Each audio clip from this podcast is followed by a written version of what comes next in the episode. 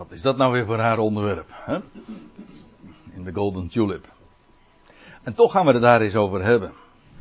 Ik heb het maar als, uh, als thema gegeven: vloeken in de kerk.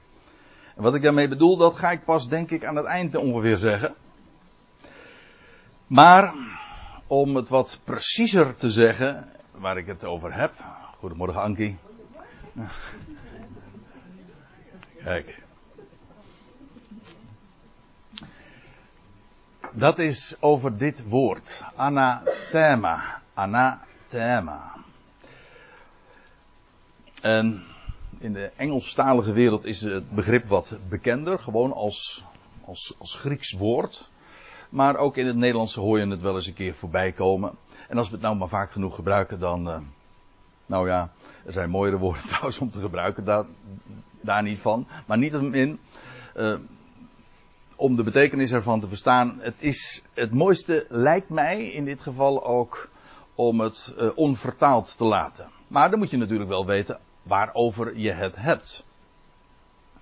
Anathema. Nou, laat ik eerst eens even vertellen over wat de directe aanleiding was. Dat was een paar dagen geleden. Toen las ik een, een, een artikel. Waarin uh, Rabijn, een bekende Nederlandse rabbijn, Lodi van der Kamp. zich uh, enorm had opgewonden over het feit. Hij was uitgenodigd bij een begrafenis van een bekende predikant, een dominee Abma, te zijn. De zoon van, ja. De destijds. Eh, de leider van de SGP in de Tweede Kamer. Maar goed, doet even niet ter zake. Hij was uitgenodigd om bij een kerkdienst aanwezig te zijn. Daar kon hij uiteindelijk toch niet wezen. Maar toen had hij er lucht van gekregen dat daar een, een tekst was voorgelezen uit 1 Korinthe 16. En waar dan, zoals in de Statenvertaling dan staat, als iemand de Heer Jezus Christus niet lief heeft, laat die vervloekt zijn. En toen, nou ja, zijn verbijstering zat hem met name dan daarin dat uh, dit een predikant was die nogal zich afficheert als, als, uh, uh, als liefhebber van, van Israël en ook actief was in de organisatie van Christenen voor Israël. En dat hij nu bij zo'n dienst zou moeten zijn waar hij als Jood vervloekt wordt. Nou, en toen zei hij van die naaste liefde van die christenen daar, eh, die, die kun je van mij cadeau krijgen. Het trok uh, nogal veel van leer. En ik moet zeggen, als je gewoon in zijn, zijn schoenen gaat staan, dan is dat ook heel goed te begrijpen. Maar het ging om die tekst in 1 Korinthe 16. Daar staat, eh, ja, laat die vervloekt zijn. Of eigenlijk wordt daar in het Grieks dus dat woordje anathema gebruikt. En wat is dat? En ik wilde u vanmorgen eens daar naar toenemen. Wat uh, de betekenis van dat begrip is van deze rabbijn. Die bleek dus uh, enorm in zijn wiek geschoten te zijn. Door die vervloeking van die christenen. Maar die kende hij maar al te goed. Vanuit zijn, ja, vanuit zijn Joodse verleden. En daar hoeft hij niet eens zo ver terug te gaan in de geschiedenis. U weet waar ik het over heb. En juist in een, christ, in, in, de, in een christelijk werelddeel kon zoiets als de holocaust bestaan. En ja, de, christ, de christenen en de christenheid had het jodendom vervloekt. En daarmee bedoelt men ook echt voor eeuwig verdoemd. Nou, met, ook als, als, als die christenen dan uh, enthousiast zijn over die staat Israël, daar, uh, daar ging een doodslucht van uit. Dat, dat kon hij niet zetten. En vandaar dus die verontwaardiging. Nou, dat was de directe aanleiding. En ik neem u vanmorgen eens mee naar, een, uh, naar de teksten. Naar alle teksten. Dat is niet zo moeilijk. Waarin dat woord in het Nieuwe Testament gebruikt wordt. Want het is maar niet zomaar een vloek, zoals wij dat dan bezigen. Maar er is, er is nog wat een en ander mee aan de hand. Uh, in de eerste plaats moet ik eventjes wat technisch zijn. Je hebt het woordje anathema en je hebt anathema thema. Dat zijn in het Grieks twee verschillende Griekse letters, de epsilon en de eta. En dat zijn ook twee verschillende uh, begrippen. Uh, als je het trouwens eventjes opsplitst in zijn elementen. Anna, dat is een Grieks voorzetsel en dat betekent naar boven, opwaarts. En dat, dat thema, dat heeft te maken met uh, plaatsen. ook trouwens nog met het woordje theos. Uh, dat heeft allemaal met hetzelfde Griekse grondwoord te maken. En dat betekent plaatsen. Theos betekent plaatser. In deze betekenis, anathema, anathema, dat is weet, of misschien weet u uh, dat niet, maar uh, in, dat is erg handig als je verder is, voor de rest helemaal niet vertrouwd bent met al die Griekse begrippen die in het Nieuwe Testament gebezigd worden. Dan, die zijn gecodeerd en dat, die hebben een zogenaamd strongnummer. En in dit geval, dit woord heeft strongnummer 334. Dat zeg ik eventjes voor degenen die het willen nazoeken. En dan heeft het de betekenis, een positieve betekenis, namelijk aan God gewijd. Het komt maar één keer voor in het Nieuwe Testament. Trouwens, ik heb nog eventjes dit opgezocht in, Wikipedia. De, de encyclopedie voor ons allemaal. Ja, en we hebben. En hoe uitgebreide encyclopedie u ooit ook had in de boekenkast staan. Al waren het 85 delen. Wikipedia is veel uitgebreider nog. Eh, maar in ieder geval, daar stond dit over dit woord in anathema. In de klassieke archeologie de aanduiding voor een artefact dat in de oudheid door een bezoeker van een heiligdom aan een godheid werd geschonken. Dus dan heeft het dus inderdaad de betekenis van iets dat aan God gewijd is. En de grap is, het komt één keer voor, zoals gezegd, in het Nieuwe Testament. En dat is in Lucas 21, vers 5. Laat ik dat er meteen even erbij vermelden. En dan lees je dat toen sommigen van de tempel zeiden uh, dat hij met schone stenen en, wij, uh, en wijgeschenken versierd was. Nou, dan staat daar in het Grieks dit woordje. Of in ieder geval in de, in de grondvorm, in een bepaalde manier vervoegd maar met gelofte geschenken of eigenlijk aan, aan God. Hè? Aan opwaarts plaatsen. Hè? Iets wat je op een hogere plaats zet en dan met name ook in de betekenis van dat je het aan God naar boven toe wijdt. En uh, het wordt vertaald met wijgeschenken. Een wij, dat, is, dat heeft te maken met wijden en, en gewijd aan. En die tempel, wel, die was inderdaad versierd met met wijgeschenken. Met dat, dat woord, dat positieve woord. Dat komt maar één keer voor. Maar in een iets andere zin, en dat is waar we ons vanmorgen mee bezig gaan houden. Dat is één Grieks lettertje anders. Dan is het anathema. En dat heeft een negatieve betekenis. Heeft nog steeds de gedachte van opwaarts plaatsen. Aan God gewijd ook nog steeds. Maar dan ter vernietiging of dood heeft ook een andere stroomcode zoals u ziet. En dat komt zes keer voor in het Nieuwe Testament. Anathema. Eigenlijk is, moet je de klemtoon weer anders leggen, maar goed, daar maken we ons verder helemaal niet druk over. Per slotverrekening, we zijn een aantal misschien hier uitgezonderd, laat ik voorzichtig zijn. Uh, in ieder geval, ik ben zelf maar een volstrekte amateur. Ik heb me inmiddels aardig wat mee bezig gehouden met het Nieuwe Testament en het Grieks daarvan en de grondtekst. Maar ik ben toch niet anders dan een liefhebber uh, op amateurbasis, zeg maar. Ik geef dat deze dingen door. Het komt zes keer voor in het Nieuwe Testament.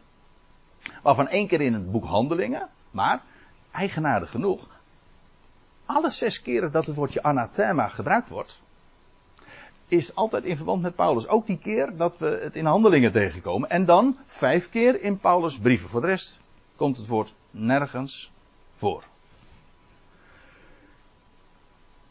En dan moet ik er nog iets bij zeggen. Het is allemaal nog even inleiding. Om gewoon een beetje een idee te vormen van dat woord. In de wat is dat nou weer? LXX. Nou, dat is, de, dat is het Latijns voor 70. Dat is de Septuagint. Dat is de Griekse vertaling van het Oude Testament. Het Oude Testament is geschreven in het Hebreeuws. Maar in de dagen van het Nieuwe Testament was daar een, Griekse vertaling alom in omloop. En dat is de Septuagint. Wel, in die Griekse vertaling van het Oude Testament is het gewoonlijk, dat woordje anathema, de vertaling van het Hebreeuwse gerem.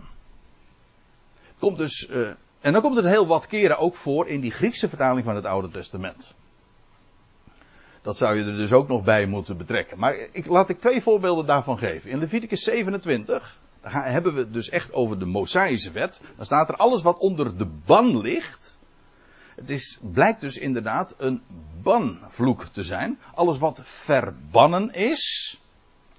Eh, iets wat onder de ban ligt, dat wil zeggen, eh, het, is, het, het ligt onder een oordeel. Men zou ervan afblijven. En het is ook, dat, dat is ook de gedachte, het is aan God gewijd. Het is, eigenlijk wordt het overgegeven aan God, zodat Hij ermee kan doen wat Hem behaagt. Maar het heeft wel die negatieve betekenis van de ban. Alles wat onder de ban ligt, dat is allerheiligst voor, oh sorry, twee keer voor, maar alles, allerheiligst voor Yahweh. Niets dat met de ban geslagen is, bijvoorbeeld als Israël, ik geef trouwens straks ook daar een voorbeeld van. Als Israël dan in, in het beloofde land komt en bijvoorbeeld Jericho verslaat, dan lees je dat alles van die stad onder de ban lag.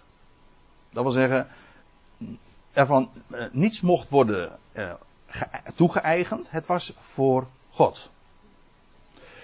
En dat is de ban. Vandaar ook een banvloek over iets uitspreken. Je, je, je spreekt, het is dus inderdaad de gedachte van een vloek. Het wordt aan God gewijd, zodat Hij zijn oordeel daarover zou geven. Niets dat met de ban geslagen is, dat door de ban getroffen is, onder de mensen kan losgekocht worden. Het zal zeker ter dood gebracht worden. Hou hem even vast. En hier staat dus in, dat, in het Griekse Oude Testament, in, de Griekse vertaling, anathema. In Jozua 6, dat is de bekende geschiedenis, waar ik eigenlijk zojuist al even aan refereerde. Toen uh, Jericho verslagen was, u kent de geschiedenis. Dat de stad na uh, dertien keer omsingeld te zijn. en bij de dertiende keer viel de stad in. Ja, ik hoor mensen nu denken van dat was toch zeven. Ja, nee, wacht even. Bij de zevende dag moest men zeven keer eromheen. Dus in totaal heeft men dertien keer daaromheen gelopen. Ik weet niet wat voor gedachten u bij dertien hebt, maar uh, nou goed. Doch de stad, staat er dan. Jozua 7 vers, 6 vers 17. Doch de stad en al wat erin is, zal door de ban Yahweh gewijd zijn. Alleen de hoer Ragab zal in leven blijven. Staat er dan nog zo bij, de hoer? Jawel, maakt niet uit. Maar zij was degene die in geloof. Want dat was. Uh, ze stak de nek uit. Hè, door die verspieders op te nemen. Maar zij wist van Gods woord en Gods belofte. En uh, alleen de hoer Ragab zal in leven blijven. Zij en allen die met haar in het huis zijn. En voor de rest was die hele stad onder de ban. Anathema. Aan God gewijd. Maar de mens zou daar niet meer aankomen. En het was inderdaad ook ter vernietiging. Dus ja, dat is een, een hele negatieve betekenis uiteraard. Dat begrijpt u. Ik moet er wel bij zeggen, maar goed, daar komen we nog over te spreken. Het heeft dus, het heeft niet de gedachte van verdoemenis die in het christendom eraan toegekend is van een eeuwig oordeel of zoiets. Dat is een totaal andere gedachte. Dat is echt zo wanstaltig. Ik kom daar straks nog even op terug. Hier staat dus in het Grieks ook dat anathema in het Oude Testament dan. Goed, ik zei al, het komt in het Nieuwe Testament zes keer voor. En ik wil gewoon alle zes eens met u langs gaan. En uh, ja, wat je dan uh, allemaal op het spoor kunt komen. Handelingen 23. Dat is een geschiedenis. We zijn in, uh, in Katwijk bezig met een, een, hele lange serie inmiddels over het, over het boek Handelingen. En volgen de voetstappen van de apostel Paulus daarin. En we zijn zo ongeveer ook bij dit hoofdstuk gearriveerd. En dat Paulus daar in Jeruzalem is. En, en de grond wordt hem daar, ondanks het feit dat hij zelfs gevangen was genomen door de Romeinen. De grond wordt hem heet onder de voeten. Want de, zijn volksgenoten die pogen hem te doden. En er was zelfs een samenzwering. En dan lees je in vers 13. Er waren er echter meer dan 40 die deze samenzwering maakten. Dus het was een hele grote koppel. Die eh, het echt op hem gemunt had. En dan staat er, die gingen naar de overpriesters en de oudsten het Sanhedrin, dus de, de leiding, de godsdienstige leiding van het volk. En ze zeiden, met een anathema banvloeken wij onszelf. Nou ja, eigenlijk staat het in, letterlijk zou je het zo moeten zetten. Met een anathema, zo'n banvloek dus, anathematiseren wij onszelf. Het, hier wordt gewoon het woord gebruikt als een, als een werkwoord. Anathematiseren. Is een beetje raar om dat zo in de vertaling te zetten. Uh, vandaar dat ik het maar met banvloeken heb vertaald. Maar dit is eigenlijk wat er staat. Hier wordt dus eigenlijk het twee keer gebruikt als, als zelfstandig naamwoord en als werkwoord. Met een anathema. Anathematiseren wij onszelf. Onder een banvloek hebben wij ons gesteld. En dat is echt heftig. Want er staat er om niets te proeven of niets tot ons te nemen. Totdat wij Paulus zullen doden. Dus men had zich echt onder een vloek gesteld. Totdat ze Paulus daadwerkelijk gedood zouden hebben. En, dat, eh, en vandaar die samenswering en wat de precieze aanleiding enzovoort was, doet nu even niet de zaak. Het gaat erom, ze hadden het op Paulus daar in Jeruzalem gemunt. gemunt. Weet u waarom trouwens? Dat moet ik er eigenlijk nu wel even bij zeggen, want dan komen we wel meteen ook to the point. Weet u waarom Paulus zo gehaat was daar in, Jude, in, in Jeruzalem? Tienduizenden Messias beleidende Joden waren daar in Jeruzalem in, en, in, in, in de streken van Judea. Tienduizenden. en, maar zelfs ook in die kring van de Messias gelovigen was Paulus, had hij een buitengewoon kwalijke reputatie omdat Paulus de vrijheid in Christus predikte. Hij predikte genade en genade alleen. En hij stond helemaal, hij stond op het standpunt dat en Griek en heiden en Jood vrij zijn. En niet zich zouden, en niet verplicht zijn zich te onderwerpen aan de Joodse rituelen en wetten.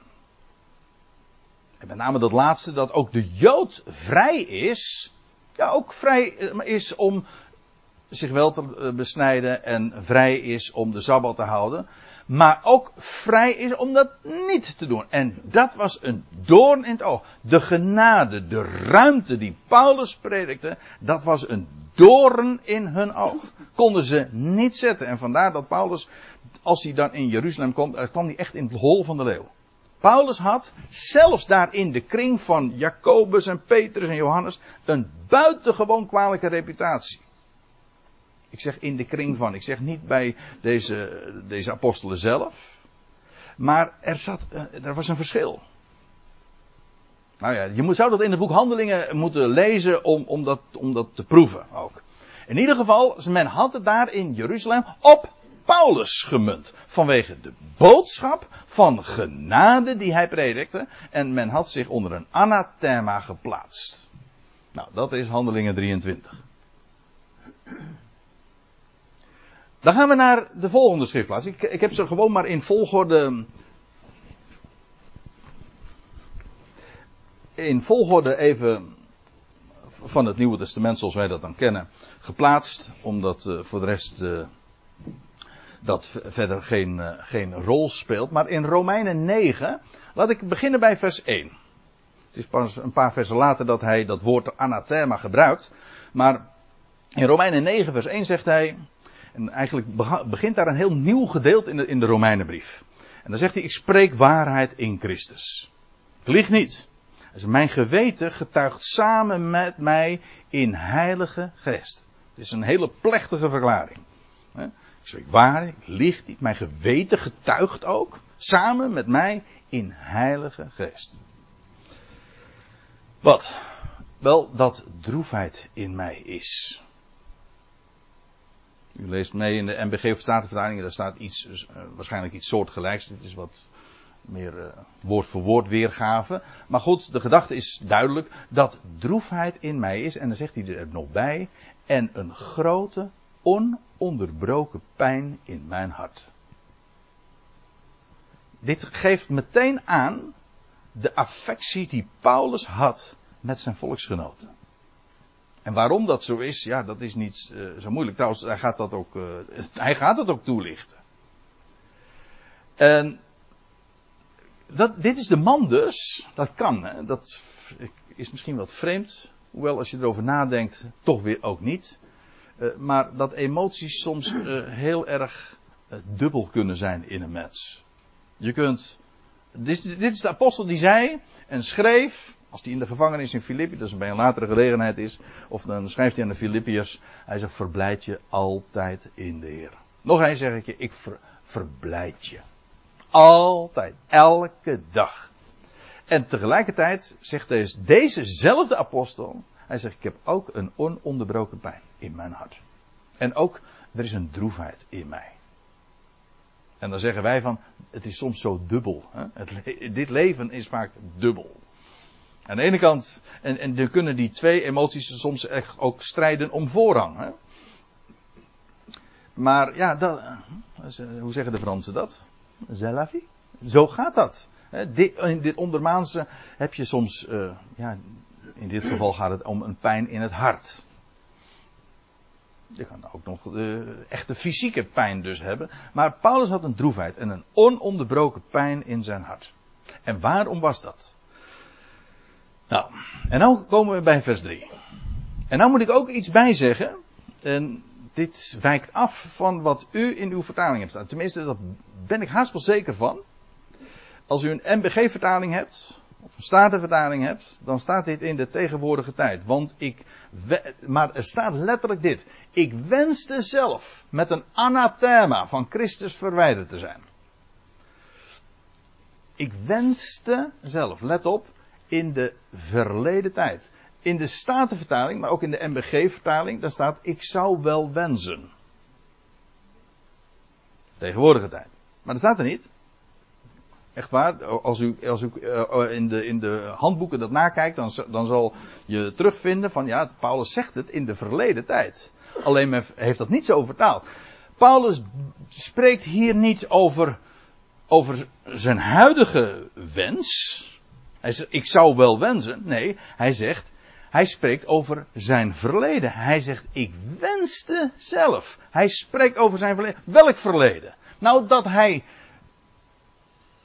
hij wenste ooit in het verleden zelf met een anathema van Christus verwijderd te zijn.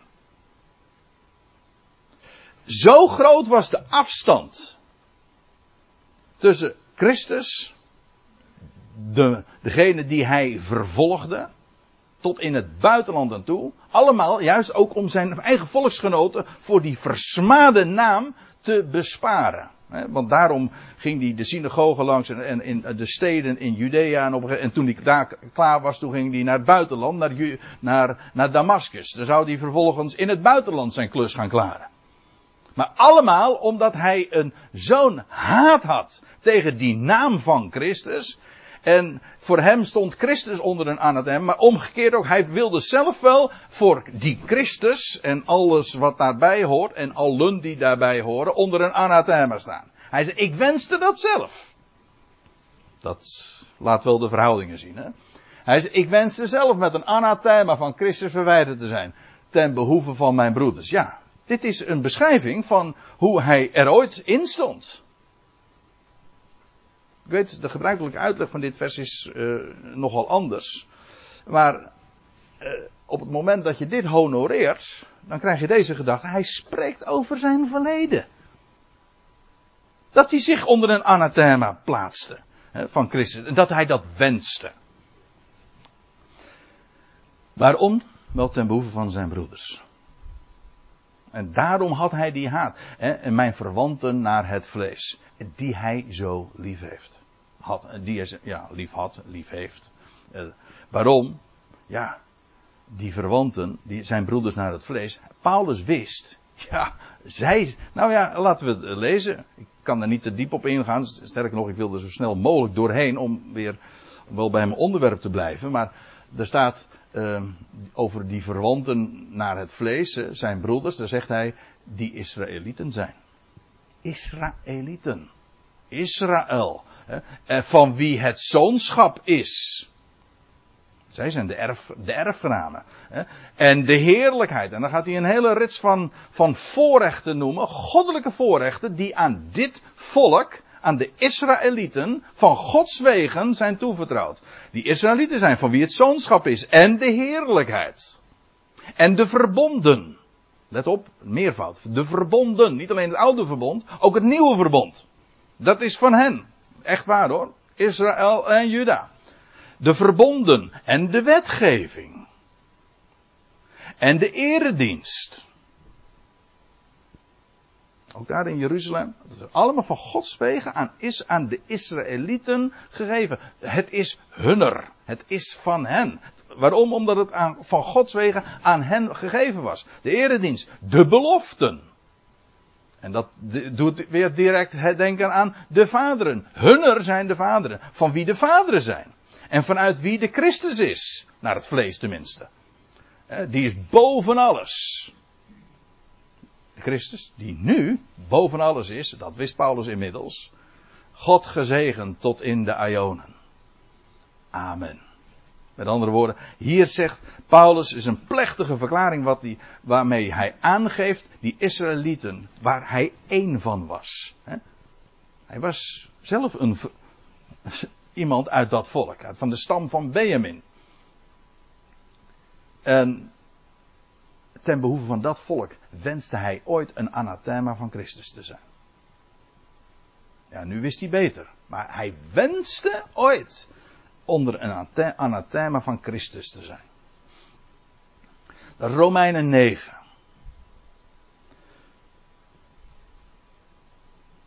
We gaan verder. 1 Korinthe 12. Ook daar bezigt Paulus in vers 3 dat woord anathema. Dan zegt Paulus dit. Daarom maak ik jullie, Corinthiërs. Gaat hij er bijna vanaf, uh, Ronald?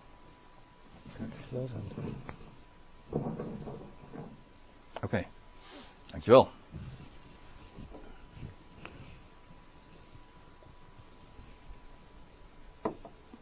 Daarom schrijft Paulus aan de Corinthiërs. En het verband doet nu even niet ter zake, dat zou ik een beetje te ver voeren om daar ook nog over te spreken. De zin op zich is namelijk duidelijk. Daarom, zegt Paulus, maak ik jullie bekend dat niemand in geest van God sprekende zegt anathema Jezus. Ik bedoel, iemand die dat zegt, die een banvloek over Jezus uitspreekt, ja, dat is niet in geest van God. Dat, uh, voor de Corinthiërs zou dat toch uh, volstrekt uh, evident zijn, duidelijk. En, zegt Paulus erbij, en niemand kan zeggen, Heer, Jezus, tenzij in Heilige Geest. Als je zegt dat Hij Heer is, daar verklaar je iets mee. Namelijk, kijk, Jezus werd ooit gemaakt tot een vloek vervloekt, dat, dat, lees je ook trouwens in het, in het boek Deuteronomium. Paulus haalt het in Galaten ook aan. Hij zegt, vervloekt is een ieder. Dan wordt trouwens weer niet het woordje anathema gebruikt, maar een vervloekt is een ieder die aan het hout hangt. En de mensen hebben hem aan het hout gehangen. Dat was precies ook wat de mens deed. Oké, naar Gods raad, dat is waar. Maar Jezus werd gemaakt tot een vloek aan het kruis. Maar door Gods geest opgewekt uit de doden. En juist doordat hij opgewekt werd uit de doden, kreeg hij een naam. Boven alle naam. En God heeft hem gemaakt tot Heer en tot Christus. Zo staat het er. God heeft hem gemaakt tot Heer en tot Christus in zijn opstanding. En Paulus zegt, dat is Romeinen 10, dat indien u met uw mond, met uw hart gelooft dat God hem uit de doden heeft opgewekt. En met uw mond beleidt dat hij Heer is, dat is dat, is, dat hoort bij elkaar. Omdat hij uit, dat God hem uit de doden heeft opgewekt, is hij gemaakt tot Heer en tot Christus. Dat is de titel die hij heeft. Wie, wij spreken niet zomaar over Jezus. Nou ja, kijk, als je het hebt over hem die hier op aarde rondwandelt, dan kun je zeggen Jezus. Doen de evangelie ook. Maar door te spreken over de Heer Jezus, daarmee geef je hem de credits die God hem heeft gegeven. Hij heeft zich vernederd tot de dood, ja tot de dood van het kruis. Maar God heeft hem verhoogd en een naam gegeven. En gemaakt tot Heer en tot Christus. En mensen die vandaag altijd maar zeggen over Jezus. Uh, en Jezus dit en Jezus dat.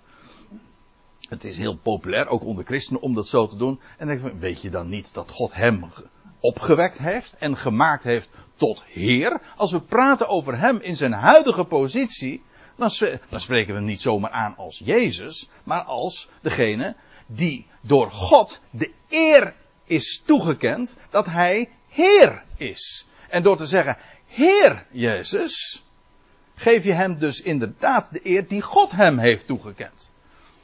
En Paulus zegt, niemand kan zeggen Heer Jezus, tenzij in Heilige Geest. Feitelijk is dat het meest karakteristieke van wat een gelovige is. Een gelovige is iemand die hem met zijn hart gelooft dat God hem uit de doden heeft opgewekt. Dat is één. En twee, maar dat, is, dat hoort bij elkaar. En twee, dat hij met zijn mond daarmee ook er, de erkenning geeft. Hij is Heer. Ja, als je het eventjes helemaal terugbrengt tot de kern, is dat de waarheid. Daarom zegt Paulus, niemand kan zeggen, Heer Jezus, met de betekenis die daaraan vastzit, tenzij in Heilige Geest. Dus ik denk dat al, alleen al, dit is uh, iets waar je, waar je eens goed over na zou denken. Hoe spreken wij hem aan? Hoe spreken wij over hem? Over Jezus? Nee, als we het hebben over hem, nu, daar aan Gods rechterhand, is hij Heer. Dat is 1 Korinthe 12. Nu gaan we naar 1 Korinthe 16. Dat was dat vers waar die Lodi van der Kamp zich zo enorm over had opgewonden. En ik, ik wil helemaal trouwens niet, uh, maar dat had u al begrepen. Het was slechts aanleiding om dit onderwerp te bespreken. Ik werd erdoor getriggerd en het leek me nuttig om dat toch eens een keer allemaal voor het voetlicht te plaatsen. Maar uh, zonder daarbij uiteraard uh, dat artikel van, van, van de Kamp te lezen of of dat te wegen en zijn argumenten. Slotverrekening, hij gaf een oordeel over een, een, dienst waar hij helemaal niet eens bij geweest was. Hij was alleen al gevallen over het feit dat de schriftlezing was uit dat ene vers. Maar hij had daarbij ook de gedachte die het Jodendom altijd heeft meegekregen van de christenen, van het christendom, waar ze zoveel liefde van hebben ondervonden en beleefd. Maar niet juist dus. En ja, dat, dat, dat maakte hem furieus. Maar goed, dit is dat schriftgedeelte. Daar is trouwens nog wat meer over te doen dan, uh, dan alleen uh, dat woordje anathema. Maar goed, eerst even dit. Indien iemand, schrijft Paulus, niet houdt van de Heer. Uh, eerst dat woordje iemand. Kijk, Paulus richt zich hier in een brief tot ja, uiteraard de geadresseerde. Spreekt hij hiermee in het algemeen? Nee. Kijk, de geadresseerden, wie waren dat? Nou, dan moet je even helemaal terug naar het begin van de brief. En dan staat er aan de Ecclesia Gods te Korinthe. De volksvergadering van God te Korinthe. Aan de geheiligden, die apart gezet zijn in Christus Jezus. De geroepenen. De geroepen heiligen met allen die allerwegen de naam van onze Heer onze Heer Jezus Christus aanroepen. En dan zegt hij er meteen bij, want dat hoort er bij dat woord Heer, geef je daarmee ook aan, ja, hoezo Heer? Wel, dan staat er ook bij, genade zij u en vrede van God onze Vader, God onze Vader, en van de Heer Jezus Christus. Genade van de Heer Jezus Christus. Ik zeg expres eventjes deze connectie, omdat wat Paulus mee begint in zijn brief, daar eindigt hij ook weer mee. Alles aan die term Heer heeft ook te maken met de boodschap die Paulus mocht vertellen van ja, onder de natieën, het evangelie van de vooruit, waarmee hij ja, als ik het eventjes oneerbiedig mag zeggen, de boer opging. Waarmee hij continenten, zeg maar, ook confronteerde met die boodschap van wie Jezus is. De Heer in wie Gods genade is verschenen. Nou citeer ik trouwens Titus 2. Want Gods genade is verschenen. Reddend. Voor alle mensen. Dat was de boodschap die Paulus preekte. Hij is Heer. En daarmee, ja, ook, dat heeft een enorme heerlijkheid. En het is de heerlijkheid van die genade. Ik zeg dat er even expres bij, omdat Paulus hier zich richt tot de Ecclesia. En in die Ecclesia is het zo. Hij, hij, hij spreekt dus, hij, hij richt geen brief aan het Jodendom of zo. Schrijft geen brief aan een rabbijn. Of aan de wereld. Nee, een brief. Dat is trouwens in het algemeen opmerkelijk hoor. Ik bedoel, het Nieuwe Testament zoals wij dat hebben, wij noemen het dan boeken. Bijbelboeken van de Corinthiërs, maar het zijn brieven. Dat is een groot verschil. Een boek publiceer je. Hè? Dat is voor iedereen ter inzage. Een brief is geadresseerd. Is heel specifiek gericht aan, aan iemand of aan een groep. Maar in ieder geval is geadresseerd. En dat, dat karakteriseert ook heel sterk die, het Nieuwe Testament. Het zijn brieven van de Corinthiërs, van de Romeinen, noem maar op. Het is niet zomaar in het algemeen voor iedereen. Oké, je kunt zeggen van het is ter inzage voor ons. Maar het blijft het karakter houden van een brief.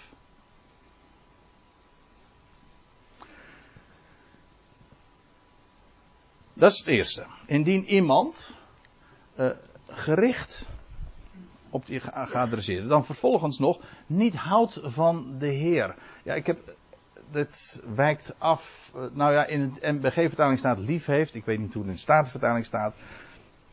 Maar uh, het, punt is, in, in het Grieks heb je verschillende woorden voor liefde. We hebben dat vaker in onze samenkomst. Nou, hier in Golden Julep heb ik het nooit eerder verteld. Wat dat betreft is alles wat ik hier zeg een primeur. Maar uh, er zijn in het Grieks verschillende woorden voor liefde. Hè, en ook uh, met verschillende gradaties. Hier wordt in het Grieks het woordje filio gebruikt. En filio heeft te maken met houden van. Op een manier, je kunt houden van voetbal en je kunt houden van iemand. Een bepaalde affectie, affiniteit die je voor iemand hebt. En dat heeft ook altijd te maken met de eigenschappen van die ander. Er is een ander woord wat heel dikwijls in het Nieuwe Testament gebruikt is. Dat is echt liefde, agape. En dat is onvoorwaardelijk. Je, je houdt van eh, voetbal. Uh, maar dat je hebt liefde voor, om maar wat te noemen, zoals we dat in de wereld ook kennen, voor je kind. Dat is onvoorwaardelijk. Niet om, omdat hij zo aardig is. Of, nee, je, gewoon, het is je kind. Zonder, zonder enige voorwaarden. Wel, dat woord wordt in het Nieuwe Testament heel dikwijls gebezigd, maar hier niet. Hier gaat het eigenlijk over dus een, als ik het zo mag zeggen, lagere vorm. Waarbij de, de, de, de affectie, de liefde, is op, het houden van, is opgewekt door eigenschappen van die ander. Wel, indien iemand niet houdt van de Heer,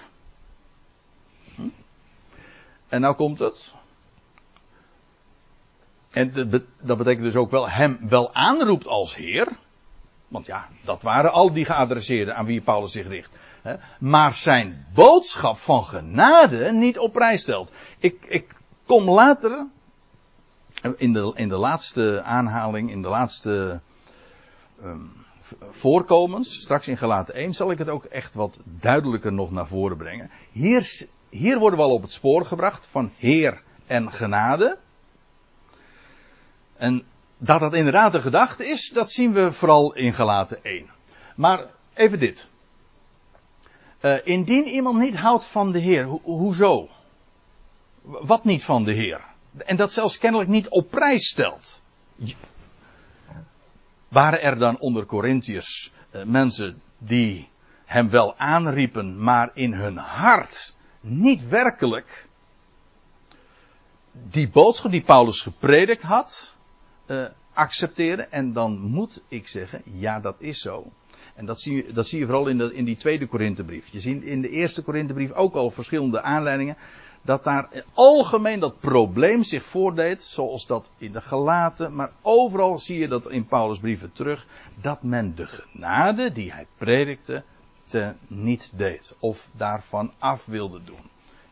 Bijvoorbeeld judaïsten, in die zin de mensen die, die van de gelovigen daar onder de natieën uh, Joodse mensen wilden maken. De sabbat, uh, rituelen wilde opleggen. En daarmee de genade teniet deed. Dat speelde in Korinthe ook. Maar eerst nog even dit. Indien iemand niet houdt van de Heer, laat hem zijn. En Paulus is daar niet misselijk. Het is ongeveer het slot van de brief. Ja, dit is het laatste. Vers 23 is het laatste. Maar uh, van deze lange brief zegt Paulus een heel kras woord. En hij is niet erg scheutig hoor, met, met zo het uitspreken van anathema. Anathema. Maar hier zegt hij het. Laat hem zijn anathema. Maranatha. Ja, nou heb je ineens twee woorden die, uh, ja, die wij als Nederlanders niet direct uh, kunnen plaatsen. Maar goed, anathema inmiddels wel. He, dat is een banvloek. Maar uh, dat Maranatha, ja, daar is wat mee, daar is wat mee aan de hand. Want, ik weet, als je, kijk het maar na in de, in de handboeken en encyclopedie, als je eens kijkt bij de verklaring van het woordje anathema, nee pardon, Maranatha, zegt men algemeen, dat betekent, de Heer komt. Of onze Heer komt. Sommigen zeggen van onze Heer is gekomen. Nou. En hoezo? Dat men dat zegt. Nou, men zegt in het Aramees, dat Paulus ook kende, heeft, betekent Maranatha, onze Heer komt. Dat klopt. En het is waar. Maar denkt Paulus daaraan? Of is dat het eerste waar hij in dit geval aan denkt? En dan zeg ik, nou, lijkt mij niet.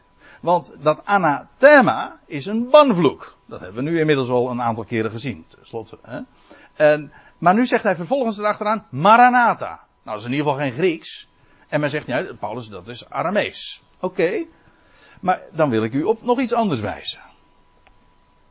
En het is eigenaardig, maar daar wordt zelden of nooit op gewezen. Dus denk ik van, nou, dan moet ik dat maar eens doen. Maranatha. En, en ja, daar. Maranatha, ja, ik, ik kom zelf. Uh, bij ons thuis lag altijd het zoeklicht op de, op de, op de bank of in huis. En ja, dat was uh, van het blad van Johannes de Heer. Van de man van de Maranatha-beweging. En Maranatha, de Heer komt.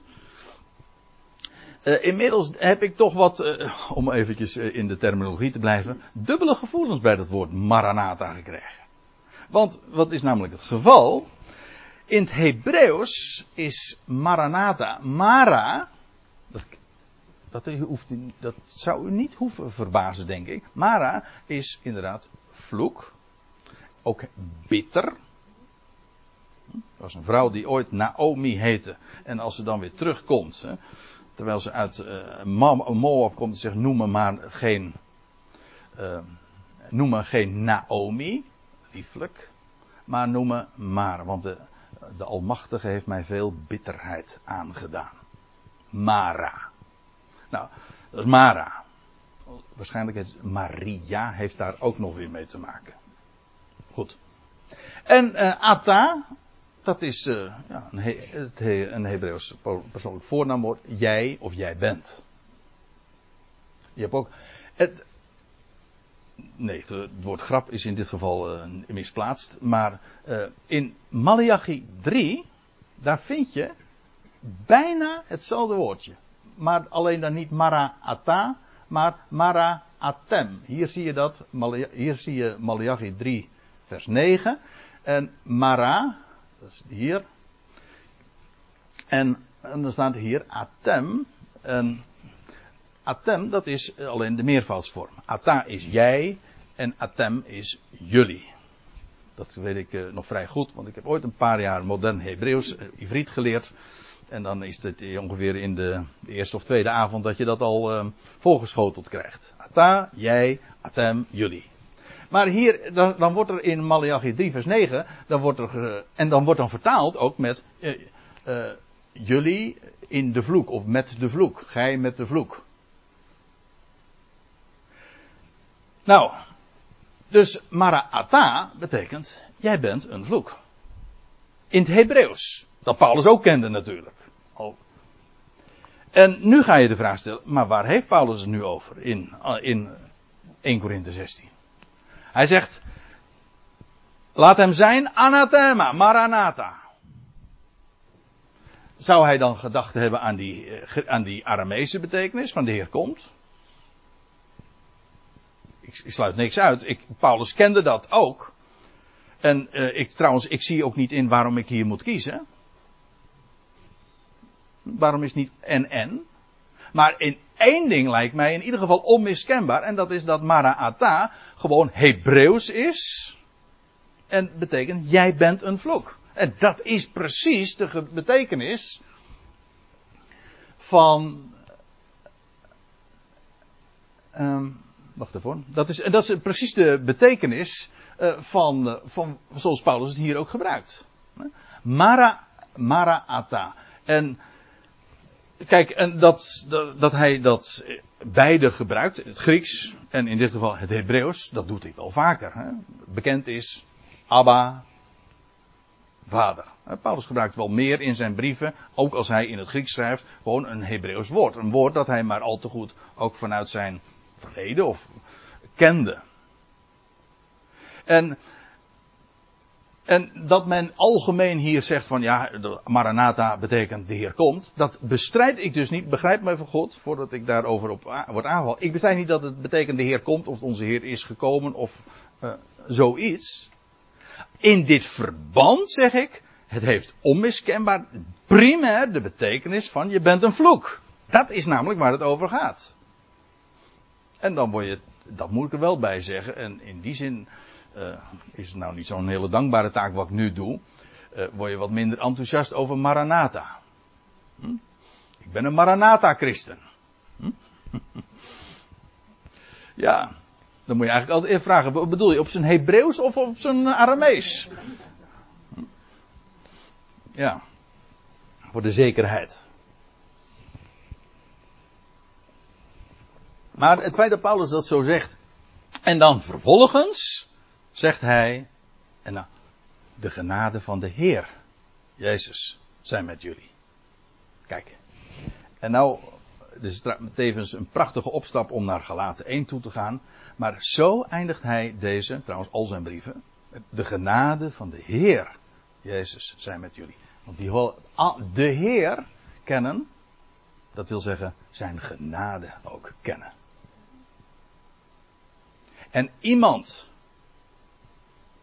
die de Heer aanroept, maar geen eens affiniteit heeft met, met die genade die daarbij hoort, ja, daar, dan zegt Paulus, anathema, maranatha.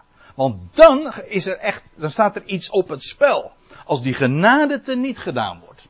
En, en dan, uh, dan zegt de genade van de Heer is in het geding. En dat dat zo is, en nou gaan we naar, vervolgens naar Galaten 1. En daar wordt het twee keer gebruikt. Anathema. Dat zijn trouwens de twee laatste keren ook. Laten we daar naartoe gaan. En ik begin even te lezen in vers 6. Even eh, de achtergrond, even kort. Ik, ik gaf zojuist al even heel eh, sumier aan waar het feitelijk om ging. Paulus was daar in Galatië geweest. Had daar het evangelie gepredikt van Gods genade.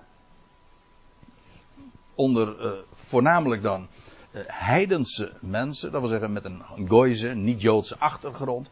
En, en ze hadden en ze waren daar zo blij mee. Je leest dat ook, uh, dat, Paulus in Galaten 4 zegt, waar is jullie geluk gebleven? Jullie waren zulke gelukkige, blijde mensen. En nu, want Paulus had zijn hielen gelicht, Paulus was daar weer weggegaan. En vervolgens waren daar judaïsten gekomen, hij noemt ze ook echt zo. Die wilden hen judaïseren. Dat wil zeggen, die wilden eigenlijk van hen joden maken, verjoodsen. En ze gingen feestdagen en de besnijdenis en allerlei Joodse dingen wilde hij, zij daar invoeren. Als je met het argument, als je rechtvaardig wil leven, dan kan dat niet buiten de wet van Mozes om. Nou, daar gaat eigenlijk de hele gelaten brief over. Als je rechtvaardig wil leven, dan kun je niet buiten de wet van Mozes om. Oh, zegt Paul, is dat zo? Nou, dan begint hij weer, als hij dat dan gaat uitleggen, dan zegt hij, ik ken iemand, die 430 jaar voordat de wet ooit aan Israël gegeven werd, leefde. En hij geloofde God. God had gezegd, zo zal jouw nageslacht zijn. Er werd niks van hem gevraagd. En Abraham geloofde God. En het werd hem, staat er, tot gerechtigheid gerekend. Abraham was een rechtvaardige voor God. Nou, dat zijn al. Gelaten 3, gelaten 4, Paulus legt het allemaal uit. Geen rechtvaardigheid buiten de wet van Mozes om. Dat is een leugen. En dat is precies wat daar in het geding is. En, hij zegt, en Paulus verbaast zich erover. Hij verwondert zich over het feit dat ze zo snel weer van de boodschap van genade zijn afgeweken. Van de vrijheid, van de ruimte in hem. Uh, naar ja, een boodschap waar die genade teniet gedaan wordt. En dan zegt hij in vers 6: Ik verwonder mij dat jullie zo, vleg, zo vlug. In gelaten 3 zegt hij, zegt hij van. O onverstandige gelaten, wie heeft jullie betoverd? Het is, het is zo, zo duidelijk, zo solide aan jullie verteld. En dan komt de eerste, de beste, uh, iemand die, die een afwijkende boodschap brengt. En daarmee de genade teniet doet. En jullie zijn betoverd. Ja. Ik verwonder mij dat jullie zo vlug worden afgebracht van degene die jullie roept in genade van Christus. Let op dit woord. Ze waren geroepen ooit in genade. In genade van Christus. En dan staat erbij, ja, en nou, dat is wat lastig in het Nederlands om dat goed weer te geven. Ik, doe het, uh, ik heb het zo gedaan. Dus, Paulus gebruikt hier namelijk twee woorden voor anders of ander. Jullie, jullie worden afgebracht van die genade van Christus. En dan zegt hij bij tot een andersoortig evangelie. Dat niet, of dat niet slechts anders is. Kijk, eh, het punt is namelijk. Ja, hier wordt een, het Griekse woordje heteros gebruikt, dat is andersoortig. En, en hier het woordje allos, en dat betekent anders. Dat is, dat is, dat is ander. Dat, is, dat zijn verschillende dingen dus. Hè? Dat is verschillend, ja. In Nederlands kennen we eigenlijk ook verschillende nuances daarin. Het is, maar niet, eh, het is niet alleen maar anders. Kijk, wat, waar Paulus het ook over heeft, als je het hele verband bekijkt. Hij had het bijvoorbeeld over Petrus en Jacobus en Johannes, aan wie God ooit, het, of aan wie Christus het evangelie van de besnijdenis had toevertrouwd. Van Gods wegen. Dat was anders dan wat aan Paulus toevertrouwd was aan, wie het evangelie van de vooruit was toevertrouwd. Maar het was wel hetzelfde soort. Het van, van één oorsprong, van goddelijke oorsprong. Maar wat, maar wat nu daar in Galatia aan de hand was, dat was, dat was maar niet anders. Nee, dat was andersoortig. En, en vandaar ook dat de MBG weergeeft van dat is geen evangelie. Dat klopt. Dat, dat is, maar niet anders, nee, het is anders soort en dat is geen evangelie. Want dat is wat nu bij die gelaten verwelkomd wordt. Een, een evangelie wat andersoortig is. Nou, dat is helemaal geen evangelie. Dat heeft misschien die naam wel, maar het is het niet.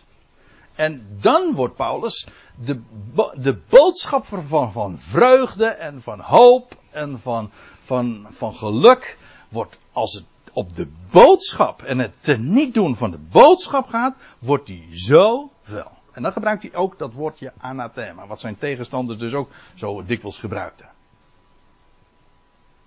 Dan neemt hij het zelf ook in de mond.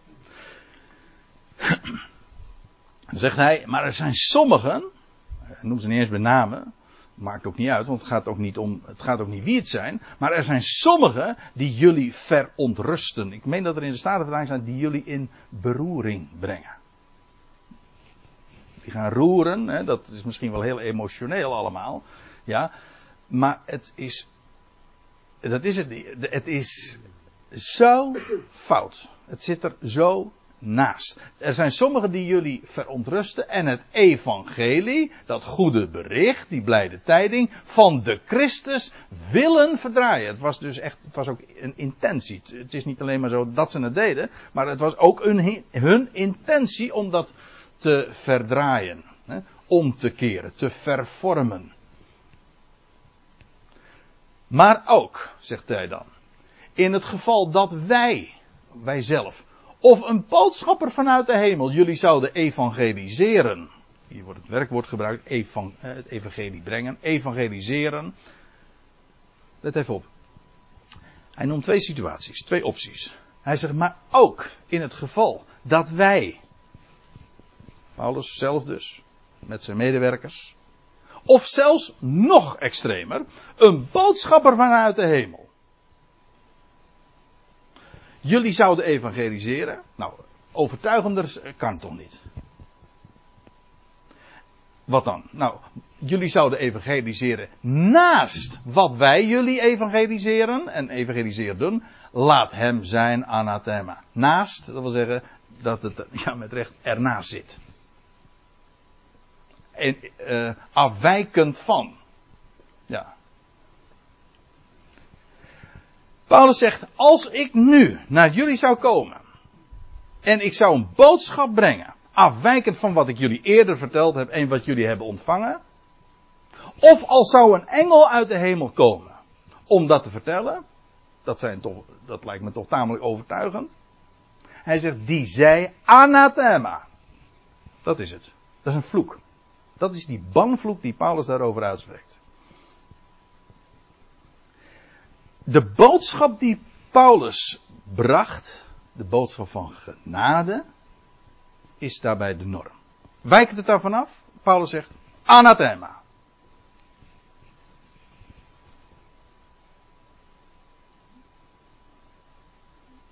De boodschap die Paulus daar bracht, daar in Galatië, die Paulus überhaupt zo in, in het algemeen onder de natie bracht, dat is de norm. Wijkt het af? Anathema. Nou moet ik u vertellen, die boodschap die daar in Galatië verteld werd, hè, waarbij de, de gelovigen weer eigenlijk joods gemaakt werden, hè, of onder gejudaïseerd werden. Dat was toen, ja, dat, was, dat speelde sterk.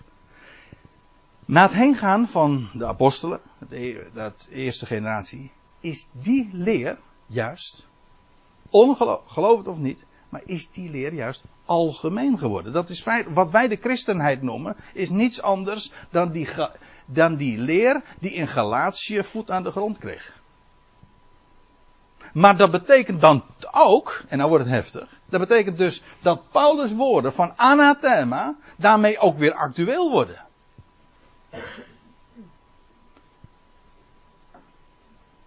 En nou komen we tevens dus uh, weer terug bij het uh, oorspronkelijke thema. Anathema is dus die banvloek. En voor wie? wie? Aan wie is dat gericht? In 1 Korinthe 16 zagen we het al. Dat het moest iets te maken hebben met de genade van de Heer die in het geding is. En hier zegt hij het heel expliciet. Voor, de, voor die evangelisten die af, afwijken van Paulus' evangelie. Die dus onder de natieën een boodschap brengen. Een boodschap die afwijkt van wat Paulus vertelt. En nou, en vandaar ook dat ik dus schreef, of eh, die titel gaf, vloeken in de kerk. Ja, waar. Dat is wat hier gebeurt. Hè? Er wordt geëvangeliseerd, wordt de naam evangelie, maar het is geen evangelie, want de genade wordt teniet gedaan. En in vers 9 trouwens, ik nog eventjes uh, doorgaan, eh, herhaalt hij feitelijk zijn punt, zoals wij eerder hebben uitgesproken. Dus het was niet de eerste keer. Paulus had het al eerder. Hij schreef het nu op. En, en eerder had hij het al hen ook mondeling ge, gezegd. Zoals wij eerder hebben uitgesproken. En op dit moment ik weer zeg. Indien iemand jullie evangeliseert. Naast wat jullie ontvingen.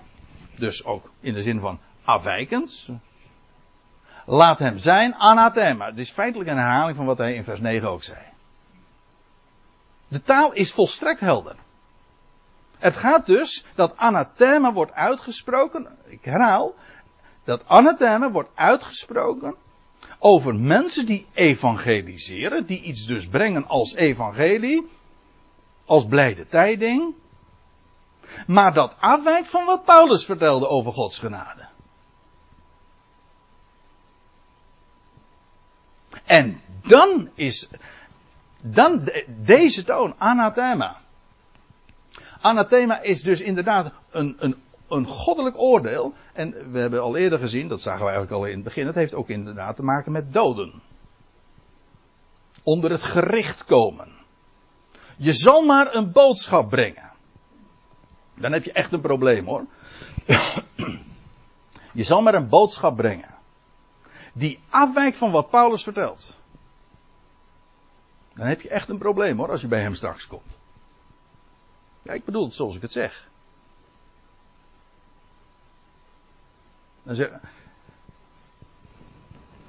dan heb je de boodschap van Gods genade hè, in de schrift te staan. En, gaat, en dan, dan krijg je de vraag van, en wat heb je de mensen verteld? En weet u wat er dan verteld wordt? Oh, als we het nou toch over genade hebben. Ja, niet alleen maar de genade waaruit we mogen leven, maar ook een boodschap van echt een vloek. Een boodschap waarin verteld wordt dat God verdomt. Verdoemt. Dat is met recht een boodschap met recht onder een vloek. Een het, nee, sterker nog, het is een vloek. Dat is zo ernstig. Als je dat doet en dat ook nog eens een keertje vertelt als evangelie, maar daar, daarvan zegt Paulus, laat hem zijn anathema. Dat zegt hij dus niet over een rabbijn, dat zegt hij over dominees, evangelisten en predikers die onder de naam van evangelie vertellen God verdoemt. Kom tot bekering, want anders. En weet je wat, ik heb het eens opgezocht in, eh, in Vandalen. Daar staat verdoemen. Nou ja, vervroegd, verdomde, heeft verdomd. Dat de eerste primaire betekenis veroordelen voor eeuwig. Bedoelen ze trouwens uh, hè, voor eindeloos. Hè, in de hel terechtkomen. Dat is een boodschap van verdoemenis.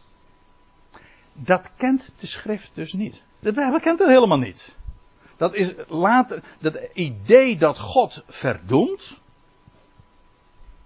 En ik ken iemand, hij zit hier in de zaal. En die ooit eens een keertje tegen mij vertelde van. Toen hij te horen kreeg. Hè, dat. GVD. Toen zei hij van: Jij mag dat niet zeggen. Ik vond het erg mooi. Hij zei: Dat mag jij niet zeggen. Hij, hij zei: Jij liegt. God verdomt niet, God rechtvaardigt.